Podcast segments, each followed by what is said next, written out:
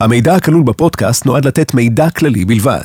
אין להסתמך על המידע או לראות בדברים ייעוץ משפטי, המלצה או תחליף לייעוץ משפטי או חוות דעת משפטית. לקבלת טיפול או ייעוץ משפטי יש צורך לפנות לעורך דין המתמחה בתחום הרלוונטי באופן פרטני.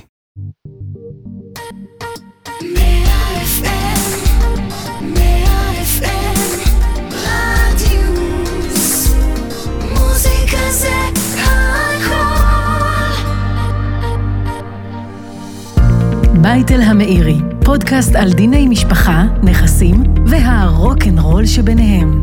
עם עורך הדין זיו בייטל ושמאי המקרקעין גלעד המאירי.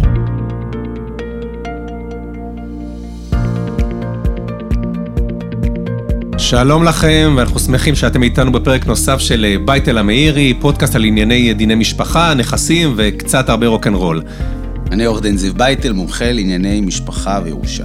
ואני גלעד המאירי, כלכלן, משפטן ושמאי מקרקעין, ואנחנו מדי שבוע נדבר בפודקאסט על סוגיות משפטיות שבהם בני משפחה נאלצו להתמודד עם מקרים כאלה ואחרים, שבמרכזם עמדו דילמות של רכוש, של נכסים, וכאן בדיוק גם נכנס לנו קצת רוקנרול. לפני שנצלול למקרה הראשון שלנו, אזכיר לכם שאתם יכולים להזין לנו במגוון הפלטפורמות, באפליקציה, באתר, בספוטיפיי, באפל פודקאסט, בגוגל פודקאסט של רדיוס 100 FM. והיום נתחיל גלעד היקר עם משהו נורא ג'וסי, נורא מעניין. גירושין, גירושין, הגענו לגירושין. כן, זה דבר שכמעט ולא קורה בארץ, אה, הקטנה שלנו. פתאום, ככה. רק אחד לשלוש. אחד לשתיים, אחד תלוי לש- איפה, כן, עוד כן. מעט אחד לשתיים אנחנו נגיע. תראה, גלעד, אתה יודע מה, אני רוצה להתחיל לך בסיפור. אנחנו הרי אה, רוצים קצת להבין את המשמעויות אה, של איך הדברים עובדים פה בארץ, ואנחנו יודעים שיש גם בית משפט לענייני משפחה וגם בית הדין הרבני, אבל אני רוצה דווקא להתחיל איתך מסיפור, ומעשה שהיה כך היה. אנחנו הרי דיברנו בפינות הקודמות על נושא של פירוק שיתוף, שזה אחד הדברים היותר קלים במדינת ישראל. די ברור, יש שותפות, לא חייבים, זה לא עד, זה לא עד פנסיה. אם אתה לא רוצה, פירוק שיתוף במקרקעין. במקרקעין. במקרקעין, לא נכון. פירוק של משפחה, זה נכון. פירוק שיתוף אחר, זה פירוק בא- שיתוף זה במקרקעין. בדיוק, זה בא תוך כדי תנועה, פירוק זה... זה פירוק, תת, זה, זה, זה בדיוק, אתה בא, מפרק את המשפחה, חלק מהעניין זה פירוק הדירה. אגב, זה תמיד מתחיל משם. אתה מרגיש את הפירוק שיטור, אתה מרגיש את הפירוק המשפחה מפירוק המקרקעין. אז אנחנו יודעים, וכבר דיברנו על זה בעבר, שזה די אוטומטי. אתה לא יכול לחייב בן אדם להיות שותף של מישהו, ולכן יש לך באמת את החוק שבא ואומר, אנחנו מחלקים, וזה די קורה מהר. אז בא אדון אה, משה לבית משפט לענייני משפחה, ותובע פירוק שיתוף את אשתו. למה? כי הוא עזב את הבית, הוא גר עם המאהבת שלו, ורוצה כבר לממש, יש לו דירה של 4 מיליון שקל, רוצה לממש, היא נמצאת בבית, ודי, מספיק. באה הגברת, אומרת, לא, לא מתאים לי. אני, הוא הגיש את זה בבית, משפט- בית, בבית משפט לענייני משפחה, היא אמרה, הבה נתחכמה לו. היא הגישה מה שנקרא תביעה למדור ספציפי בבית הדין הרבני. בא בית הדין הרבני, בא ונתן תמרור עצור לבית משפט, אין, עכשיו תחכו. לא מוכרים, לא עושים שום דבר, עכשיו יש מה שנקרא עצירה מוחלטת של כל הליכי הפירוק, כל התהליכים, הוא כבר התחייב בעסקאות, הוא כבר החליט שכבר יש לו, עורך דין שלו אמר לו, תשמע, יש לך פה איזה שנייה, דקה וחצי אנחנו מוכרים, היא שמה לו את אותו תמרור עצור, כי בית הדין החליט שאי אפשר. והנה פה אנחנו נכנסים לריב סמכויות קלאסי, בית משפט לענייני משפחה, בית הדין הרבני. אני, אני רוצה רגע לעשות סדר. אמרת על הדוגמה של הפירוק שיתוף, אבל אני רוצה רגע להכניס אותנו כאן לסדר של כמה דברים. דבר ראשון, אני מזכיר באמת, הנושא של פירוק שיתוף במקרקעין, הוא סוג של, של מהלך טקטי של אחד מבני הזוג, שבעצם בא ואומר, אני רוצה עכשיו לבוא, להתקדם איזשהו הליך גירושין, אבל כל עוד אני גר תחת אותה קורת גג אחת, אני לא אקבל שום, שום מענה לדברים, לא עניין של מזונות, לא שום דבר כזה, כי יגידו, אתם ביחד גרים. ומצד שני, אף אחד לא רוצה לצאת. אף אחד מבני הזוג לא מוכן לצאת החוצה. ואז הוא למעשה פותח במעין הליך שהוא הליך נדל"ניסטי, שבא ואומר, אני ובת הזוג או בן הזוג נמצאים בנכס משותף, וזכותנו על פי חוק המקרקעין לפרק את השיתוף הזה ולהעמיד את הנכס למכירה, לצד ג', מה שיכריח את שנינו לצאת החוצה, או את אחד מאיתנו לקנות את השני. ואז זה למעשה זה המהלך הטקטי.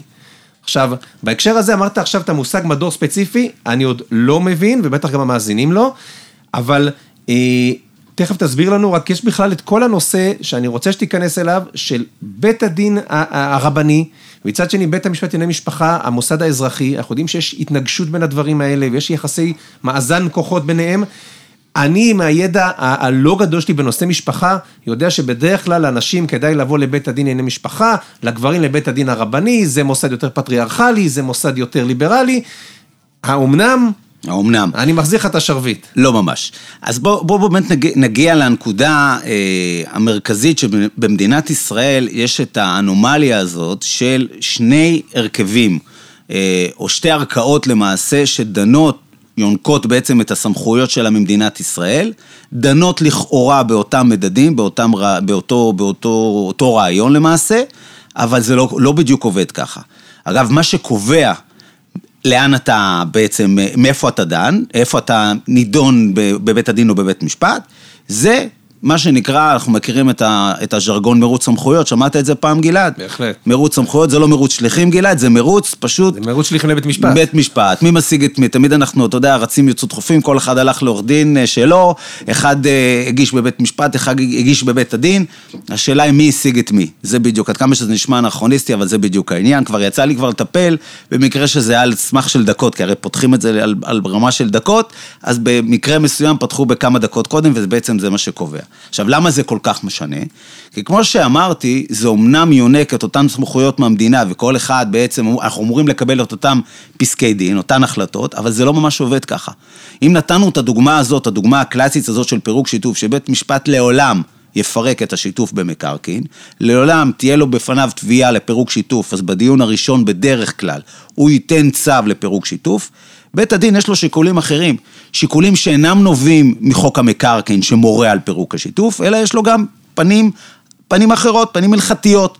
יש למשל עניין של אה, שלום בית. אני שואל אותך שאלה, גלעד, איך אפשר, אם אני, אני יכול להגיש תביעה לשלום בית בבית הדין הרבני, איך אפשר לקיים שלום בית? הסברת בצורה מאוד יפה, שאחד מהצדדים הטקטיים שיש לבן אדם כדי, מה שנקרא, לפרק, אז מה הצד השני? זה לאחד. אז אני לא רוצה לפרק. אז מה אני מגיש? אני אגיש תביעה לשלום בית. אני אגיש תביעה לשלום, לשלום בית בבית הדין הרבני, ובית הדין הרבני יגיד, רגע, סטופ, בוא נברר את התביעה הזאת. אבל עד שמבררים את התביעה, אנחנו לא נפרק את השיתוף. הרגנו את הרעיון.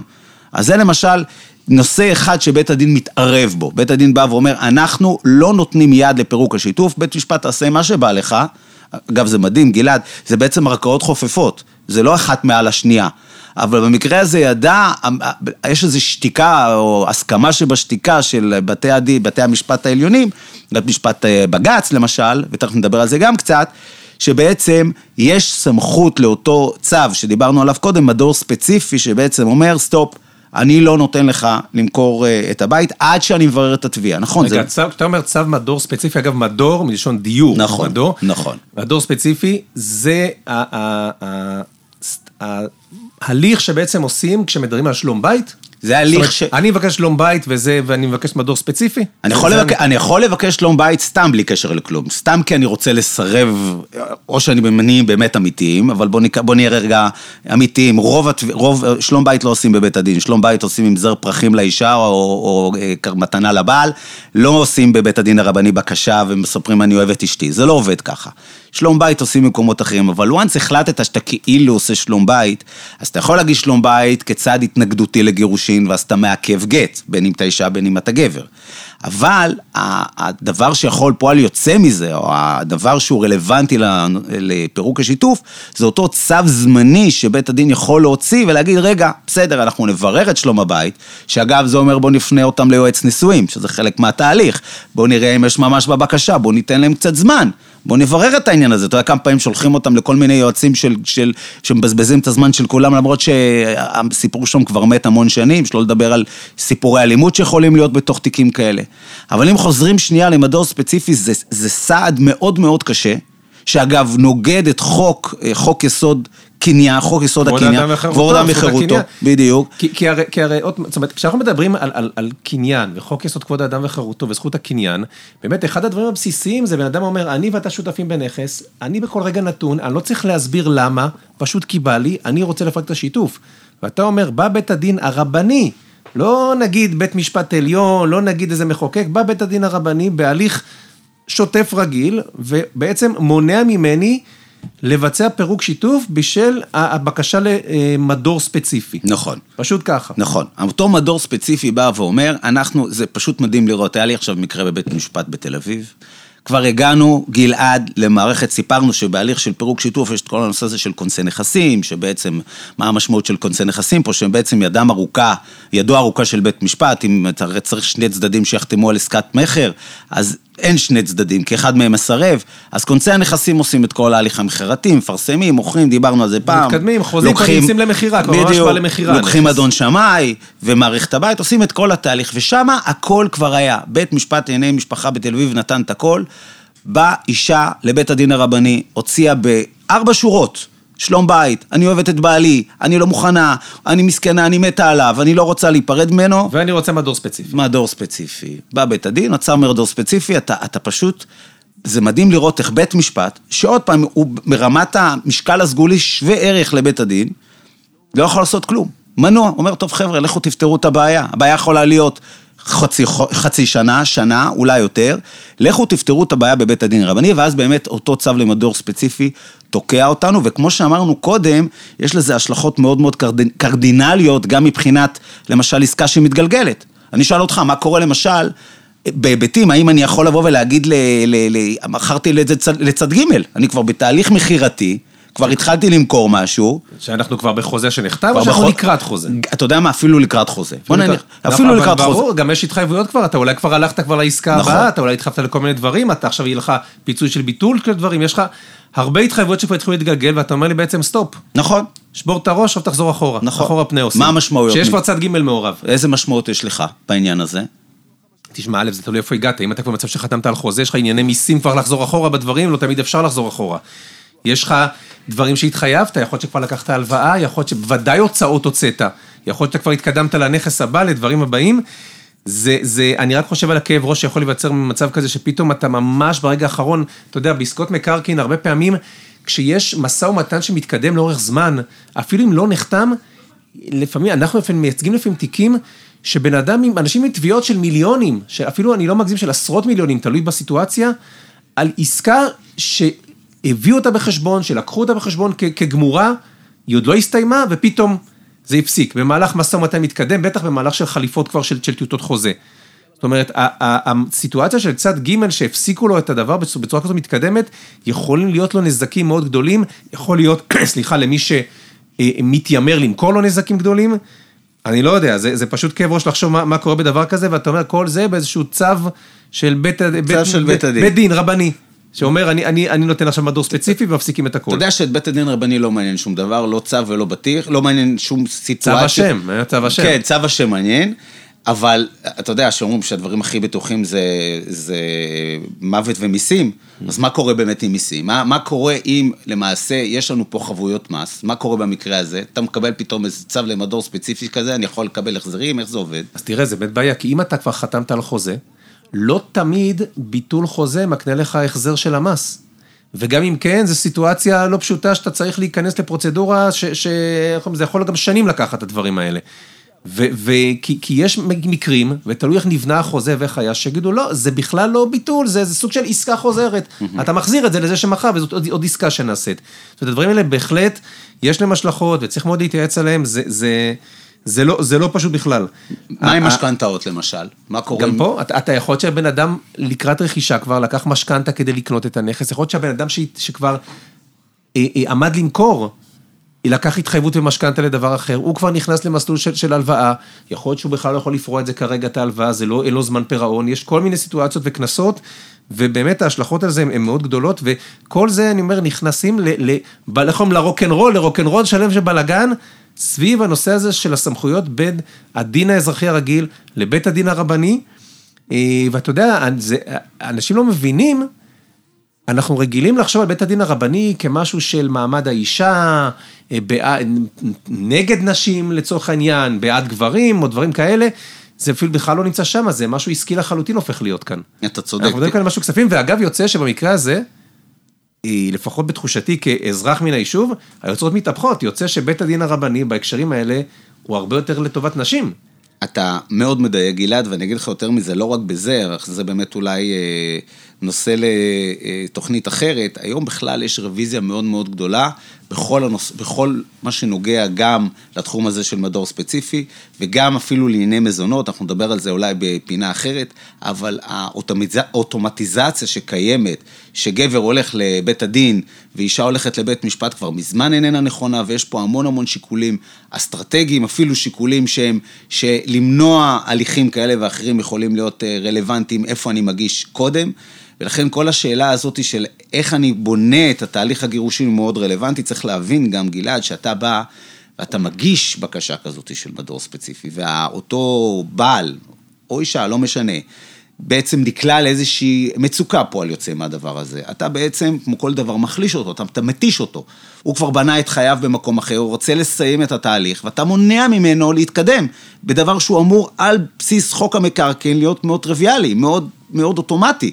פתאום אתה עוצר אותו עם כל מיני שיקולים של שלום בית, נו באמת. אז זה באמת אחת הבעיות הגדולות שקיימות. אני רוצה רגע לקחת אותנו לסיטואציה דווקא כאילו טובה, okay. אוקיי. לכאורה טובה. בא אותו בן אדם, היה פירוק שיתוף, הפירוק שיתוף הזה היה אמור לצאת לפועל, עשו מדור ספציפי, זה נתקע, אבל עד שזה נתקע, הוא כבר התקדם, הוא כבר לקח, הוא כבר היה, הוא כבר בנה על ההכנסות שיהיו לו מהמכירה, הוא כבר לקח הלוואה אולי לרכישה של נכס אחר, התחיל להתגלגל, מה שנקרא, בחיים החדשים שלו. ויכול להיות שבכלל אפילו קנה, עשה השקעה, הרוויח עליה, קיבל הכנסות, כל מיני דברים, ועכשיו עושים סטופ, מחזירים את הכל אחורה. ובוא נניח שאפשר להחזיר את הכל אחורה, הוא יכול לצאת מההשקעה שהוא עשה, למכור אותה, ולהפך מכר את זה ברווח, ועוד היה לו הכנסות. ועושים אחורה פנה. הוא יכול, נתנו לו לצאת החוצה לחיים החדשים, התחיל לחיות, אולי התחיל לעשות עסקים, להרוויח כל מיני דברים על בסיס ההתחייבות שתהיה מכירה, החזירו את הכל אחורה, אבל הוא יצא מזה לא מופסד, יצא מורווח. קורה. אני שואל אותך, מה בעצם עושים הדברים האלה? זה נכנס לו חזרה לקופת הנישואין? זאת אומרת, הסיבוב בחוץ שהוא עשה, הוא יצא לטיול בחוץ, לטיול עסקי בחוץ, הרוויח כספים על בסיס פירוק השיתוף כשהתחיל להתגלגל, לפני שעצרו אותו, ועכשיו חוזר אחורה עם עוד קופת, נקרא לזה קופת מזומנים. איפה הדבר הזה? זה שייך לנישואין, זה לא שייך, זה משהו שאומר, אני עשיתי את זה לבד ועכשיו זה לא במשחק? תראה, על פניו, התשובה האוטומטית היא, זה לא במשחק. אנחנו תמיד מגדירים, יש דבר כזה שנקרא אצלנו יום הקרע. יום הקרע זה אותו יום מכונן, שמישהו, כמו שאמרנו, מרוץ שליחים, מישהו רץ עם אה, אה, שליח אה, לבית הדין או לבית משפט והגדיר את הסכסוך כיום, כיום ההתחלה שבו. ובעצם היום הזה, אתה יכול לזכות בלוטו, אתה יכול פתאום לקבל איזשהו, אה, איזשהו הזדמנות חדשה שלא... אה, נובעת מהעבר, ואז בעצם אתה לא צריך להתח... אה, לחלוק אותה עם הצד השני.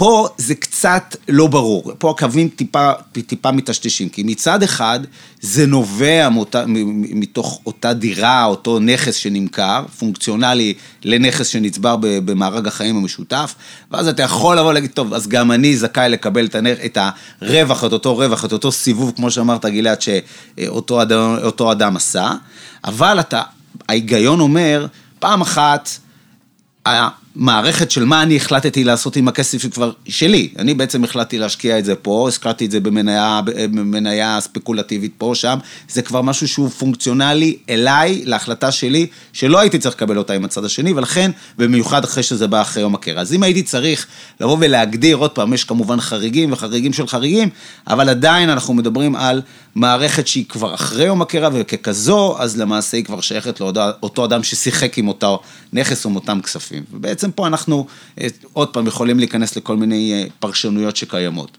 אז אני, אני רוצה רגע לסכם ולראות אם אני הבנתי והמאזינים הבינו. יש לנו טקטיקה שכדי להוציא את אחד מבני הזוג מהנכס, בא אחד, אחד הצדדים ובעצם מבקש בקשה לפירוק שיתוף, שזה אקט נדל"ניסטי למעשה. ואז הצד האחר פונה לבית הדין הרבני ומבקש מדור ספציפי, ומדור ספציפי בעצם תוקע את התהליך הזה. ואני רוצה להעלות לך רגע רעיון מתחכם. אנחנו יודעים שכאשר יש מדור ספציפי, באמת זה תוקע את התהליך. את התהליך של פירוק השיתוף, זאת אומרת, אי אפשר לצאת עם הנכס החוצה, עם כונס נכסים, ולהציע אותו למכירה במאוחד, את כולו. אבל עדיין, לפי חוק המקרקעין, וזה לא שולל את זה, אני יכול להחליט שאני, נניח הבעל, שמחזיק 50% בבית המגורים, מחליט שאני מעמיד למכירת ה-50% שלי, זכותי, בשוק החופשי. אני אומר ושואל, גם כשיש צו למדור ספציפי, עדיין זכותי לבוא ולמכור מחצית מהנכס שלי, לא את הכל. ואני עכשיו אמצא מישהו בשוק, יכול להיות מישהו שאני גם הסדרתי איתו את הנושא הזה באיזושהי צורה, ואני אומר לו, בוא אתה תקנה 50% מהנכס שלי. לכאורה, הוא לא ישלם את המחיר המלא של המחצית, הוא יבוא ויגיד, אם הדירה שווה 4 מיליון, אני לא אשלם 2 מיליון שלך, כי אני קונה כאן דירה, עם, היא תפוסה, יש בה עוד דיירת. אז אני, אני לא יכול ליהנות ממנה בצורה מלאה. זה לא כמו שני משקיעים שיקנו ביחד דירה, יש לי כאן מישהו שמתגורר בתוכו. אבל בעצם אני יצרתי סנקציה נגדית לזה כבר, למדור ספציפי. כי אם אני עכשיו יבוא ואמכור את זה לצד ג', עקרונית הוא יכול לקנות, הוא עכשיו, מחר יכול בעיקרון לדפוק בדלת ולהגיד שלום, באתי, אני גר כאן. הוא יכול, גם אם זה לא פרקטי, הוא כן יכול פרקטית לבוא לאישה ולהגיד, אנא שלמי 50% מדמי השכירות שאת כאן גרה, כי אני 50% מהנכס קניתי. והוא בעצם בעלים לכל דבר של מחצית מהנכס. וזה דבר של אף אחד לא נוח. אז יכול להיות שעם כל הקושי של צו למדור ספציפי, האפשרות של למכור מחצית מנכס בשוק החופשי, עד כמה שמישהו יכול לקנות דבר כזה מבחינת שוק שקיים לזה, או האיום שהדבר כזה יקרה, זה גם איזה פתרון שאפשר לחשוב עליו. קודם כל, כהרגלך בקודש אתה מתחכם, אבל ההתחכמות שלך היא התחכמות שהיא באמת אה, אה, מתרחשת ב-real life. ואני אספר לך סיפור, אפילו סיפור שקורה עכשיו בבית משפט לענייני משפחה בפתח תקווה. היה איזשהו נכס מאוד גדול, מאוד משמעותי, אפילו מרכז מסחרי מאוד גדול, שהיה שייך לשני הצדדים. ובאמת היה את אותו צו למדור ספציפי שמנע, כי היה גם את הדירה של הצדדים שם, זה תקע את כל המערכת, היה שם סיפור מאוד גדול, סביב אותו צו שאוסר. מה עשה אותו בעל? הבעל לקח, מכר את הזכויות, או העביר לפחות ברמה הרעיונית את הזכויות שלו, ללא אחר מאשר גורם עברייני. עכשיו פתאום אותו גורם עברייני הפך להיות שותף של אותה אישה שהוציאה את הצו למדור ספציפי. זה כבר עשה לה פחות נעים בגב. אתה, אתה לא מאמין עד כמה מהר היא הלכה לבית הדין הרבני כדי לבטל את אותו צו. עכשיו, זה נכון שזה מקרה קצת קיצון, זה מקרה שהוא קצת, קצת שונה מהמקרים האחרים, אבל זה נכון שאתה יכול להכניס גורמים שלישיים, צדי ג', שייכנסו בנעליך, ואז בעצם מה שנקרא, אתה יוצא מהמשחק ואז אתה מתחכם, אבל יש פה בעיה שאם זה באמת צד ג', אנחנו לא מדברים על מישהו שהוא בעצם איזשהו אה, סטטיסט כזה של אותו אה, מוכר, אז מאוד קשה למצוא צד ג' שירצה להיכנס לאותה מיטה עם מישהו שנמצא, כשהוא שותף, אז בעצם הוא יצטרך, אה, מה שנקרא, לממש את הזכות שלו יחד עם מישהו אחר, במיוחד אותו, אותו, אותו אדם שבעצם רוצה למנוע את המכירה. אבל כן, זה בהחלט סוג של משהו שאנשים עושים אותו, והסיטואציה הזאת היא, היא, היא, היא דבר שמתרחש. אני, אני, אני רוצה אבל לקחת משהו שהוא אולי קצת פחות קיצוני. אנחנו עוד פעם מנסים ככה לדבר על, על, על הפינג פונג הזה בין מצד אחד פירוק שיתוף שאמור לקדם את התהליך, לבין צו מדור ספציפי שבעצם תוקע את התהליך. ועכשיו אני רגע שואל משהו. כשאנחנו התחלנו את הפירוק שיתוף, הבעל והאישה, בני הזוג, היו תחת קורת גג אחת, ואף אחד לא רצה לצאת. אה, אה, אה, כי, לא רצה, והיה צריך את, ההליך הזה כדי להתחיל את, הסיטואציה של, של ההליכי הגירושין. עכשיו, מהרגע שאחד מהצדדים הגיש בקשה לפירוק שיתוף, הוא כבר יכול בעיקרון לקום ולצאת מהבית, נכון? נכון. זאת אומרת, הוא כבר יכול להיות בחוץ. גם אם היה צו למדור ספציפי, הוא עדיין כבר יכול להיות מחוץ לבית, אמנם מעכבים את המימוש של הנכס, את המכירה בפירוק שיתוף, אבל בתהליך הוא כבר עכשיו יכול לצאת. הוא שמר על זכויותיו ברגע שהגיש את הבקשה לפירוק שיתוף. לא, הזכויות שלו קיימות מכוח זה שהן רשומות, אבל הוא התחיל את הזכות הפירוקית הזאת. הוא התחיל, הוא, הוא התחיל את הסיטואציה, את הסיטואציה. את הסיטואציה של הפירוק, של, של, של הליכי הגירושין. שזה, שזה אגב, אם אנחנו כבר מדברים על תביעה לשלום בית, אגב, נגענו בנקודה אחת, אני לא אכנס לנקודה השנייה, לפעמים יש גם את העניין של מזונות, להבטיח מזונות לאישה, זה נושא לפינה אחרת, אבל אבל כדי שאתה תבוא לבית הדין, תחשוב רגע בהיגיון. אני כבר נתתי, אם אני גר באותו בית ואני מגיש תביעה לפירוק שיתוף, לבית הדין הרבה יותר קשה לתת לך את ה... לבטל לך את הצו. כי יש היתכנות לקום בעיה הזה, ביחד, לשלום בית. דווקא הצעד הנכון מבחינת אותו בעל, זה לקום ולעזוב ולהגיד לו, אני כבר חי את החיים שלי. אני כבר נמצא, אולי אפילו רחמנא ליצלן עם אישה אחרת. ההיא, הגברת שלי גם נמצאת בבית. יותר קל יהיה, עד כמה שזה נשמע, אה, אה, צעד שהוא בעצם יוצא ללא נודע, ועדיין יש צו למדור ספציפי, זה דווקא צעד שהוא מזרז את הביטול של אותו צו למדור ספציפי, כי כבר חיים בנפרד. ואם אני אמשוך רגע את הפן הכלכלי, אותו בן זוג נמצא בחוץ, ביקש בקשה לפירוק שיתוף, יש צו למדור ספציפי, יש מה שמעכב את המכירה, אבל הוא עדיין זכותו לבוא לאישה ולהגיד, תשלמי לי מחצית מדמי השכירות. נכון.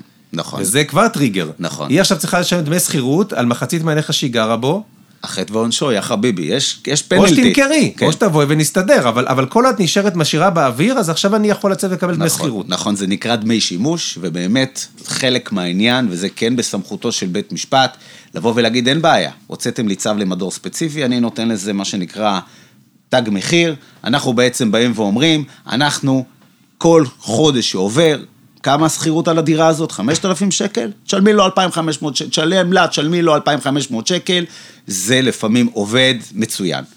אני רוצה להגיד לך משהו, גלעד, לסיום, לסיום הפינה שלנו היום, ולהגיד לך שהמערכת הזאת היא, היא כן מתחילה קצת להתייצב סביב איזשהו כן ראש אחד. בתי הדין קצת כן מתחילים להתיישר ופחות נותנים את הצווים האלה שהם צווים דרקוניים, צווים שהם, צווים שהם א-חוקיים, נוגדים את חוק יסוד אה, כבוד האדם וחירותו.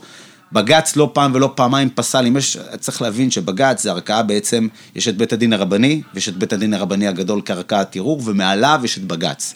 בג"ץ משתדל לא להיכנס ולא להתערב בתוך תהליכים כאלה של אה, בתי הדין ובהחלטות של בתי הדין, לא נכנס ברגל, בין הרגליים שלו, אבל בנקודות האלה שהן בוערות בעצמותיו, כמו חוק יסוד, הוא כן נכנס גם נכנס, ואנחנו רואים לא אחת ולא שתיים שב, שבג"ץ בא ובעצם מבטל צווים כאלה, ופועל יוצא מזה אנחנו רואים שבתי הדין ממעטים לתת את הצווים האלה, יש פסקי דין מכוננים דווקא של בתי הדין הרבניים, בתי הדין הרבני הגדול, הרב דייחובסקי, נתן פסק דין מאוד מכונן נגד צווים למדור ספציפי, יש רוויזיה גם בעניין הזה, אבל בתי הדין פחות נותנים, וגם אם הם נותנים, זה לתקופה יחסית קצרה, עד שהדברים ככה לתת איזושהי בהירות מסוימת, אבל אה, ממהרים, אה, ממהרים בעצם כבר אה, להסיר את העניין.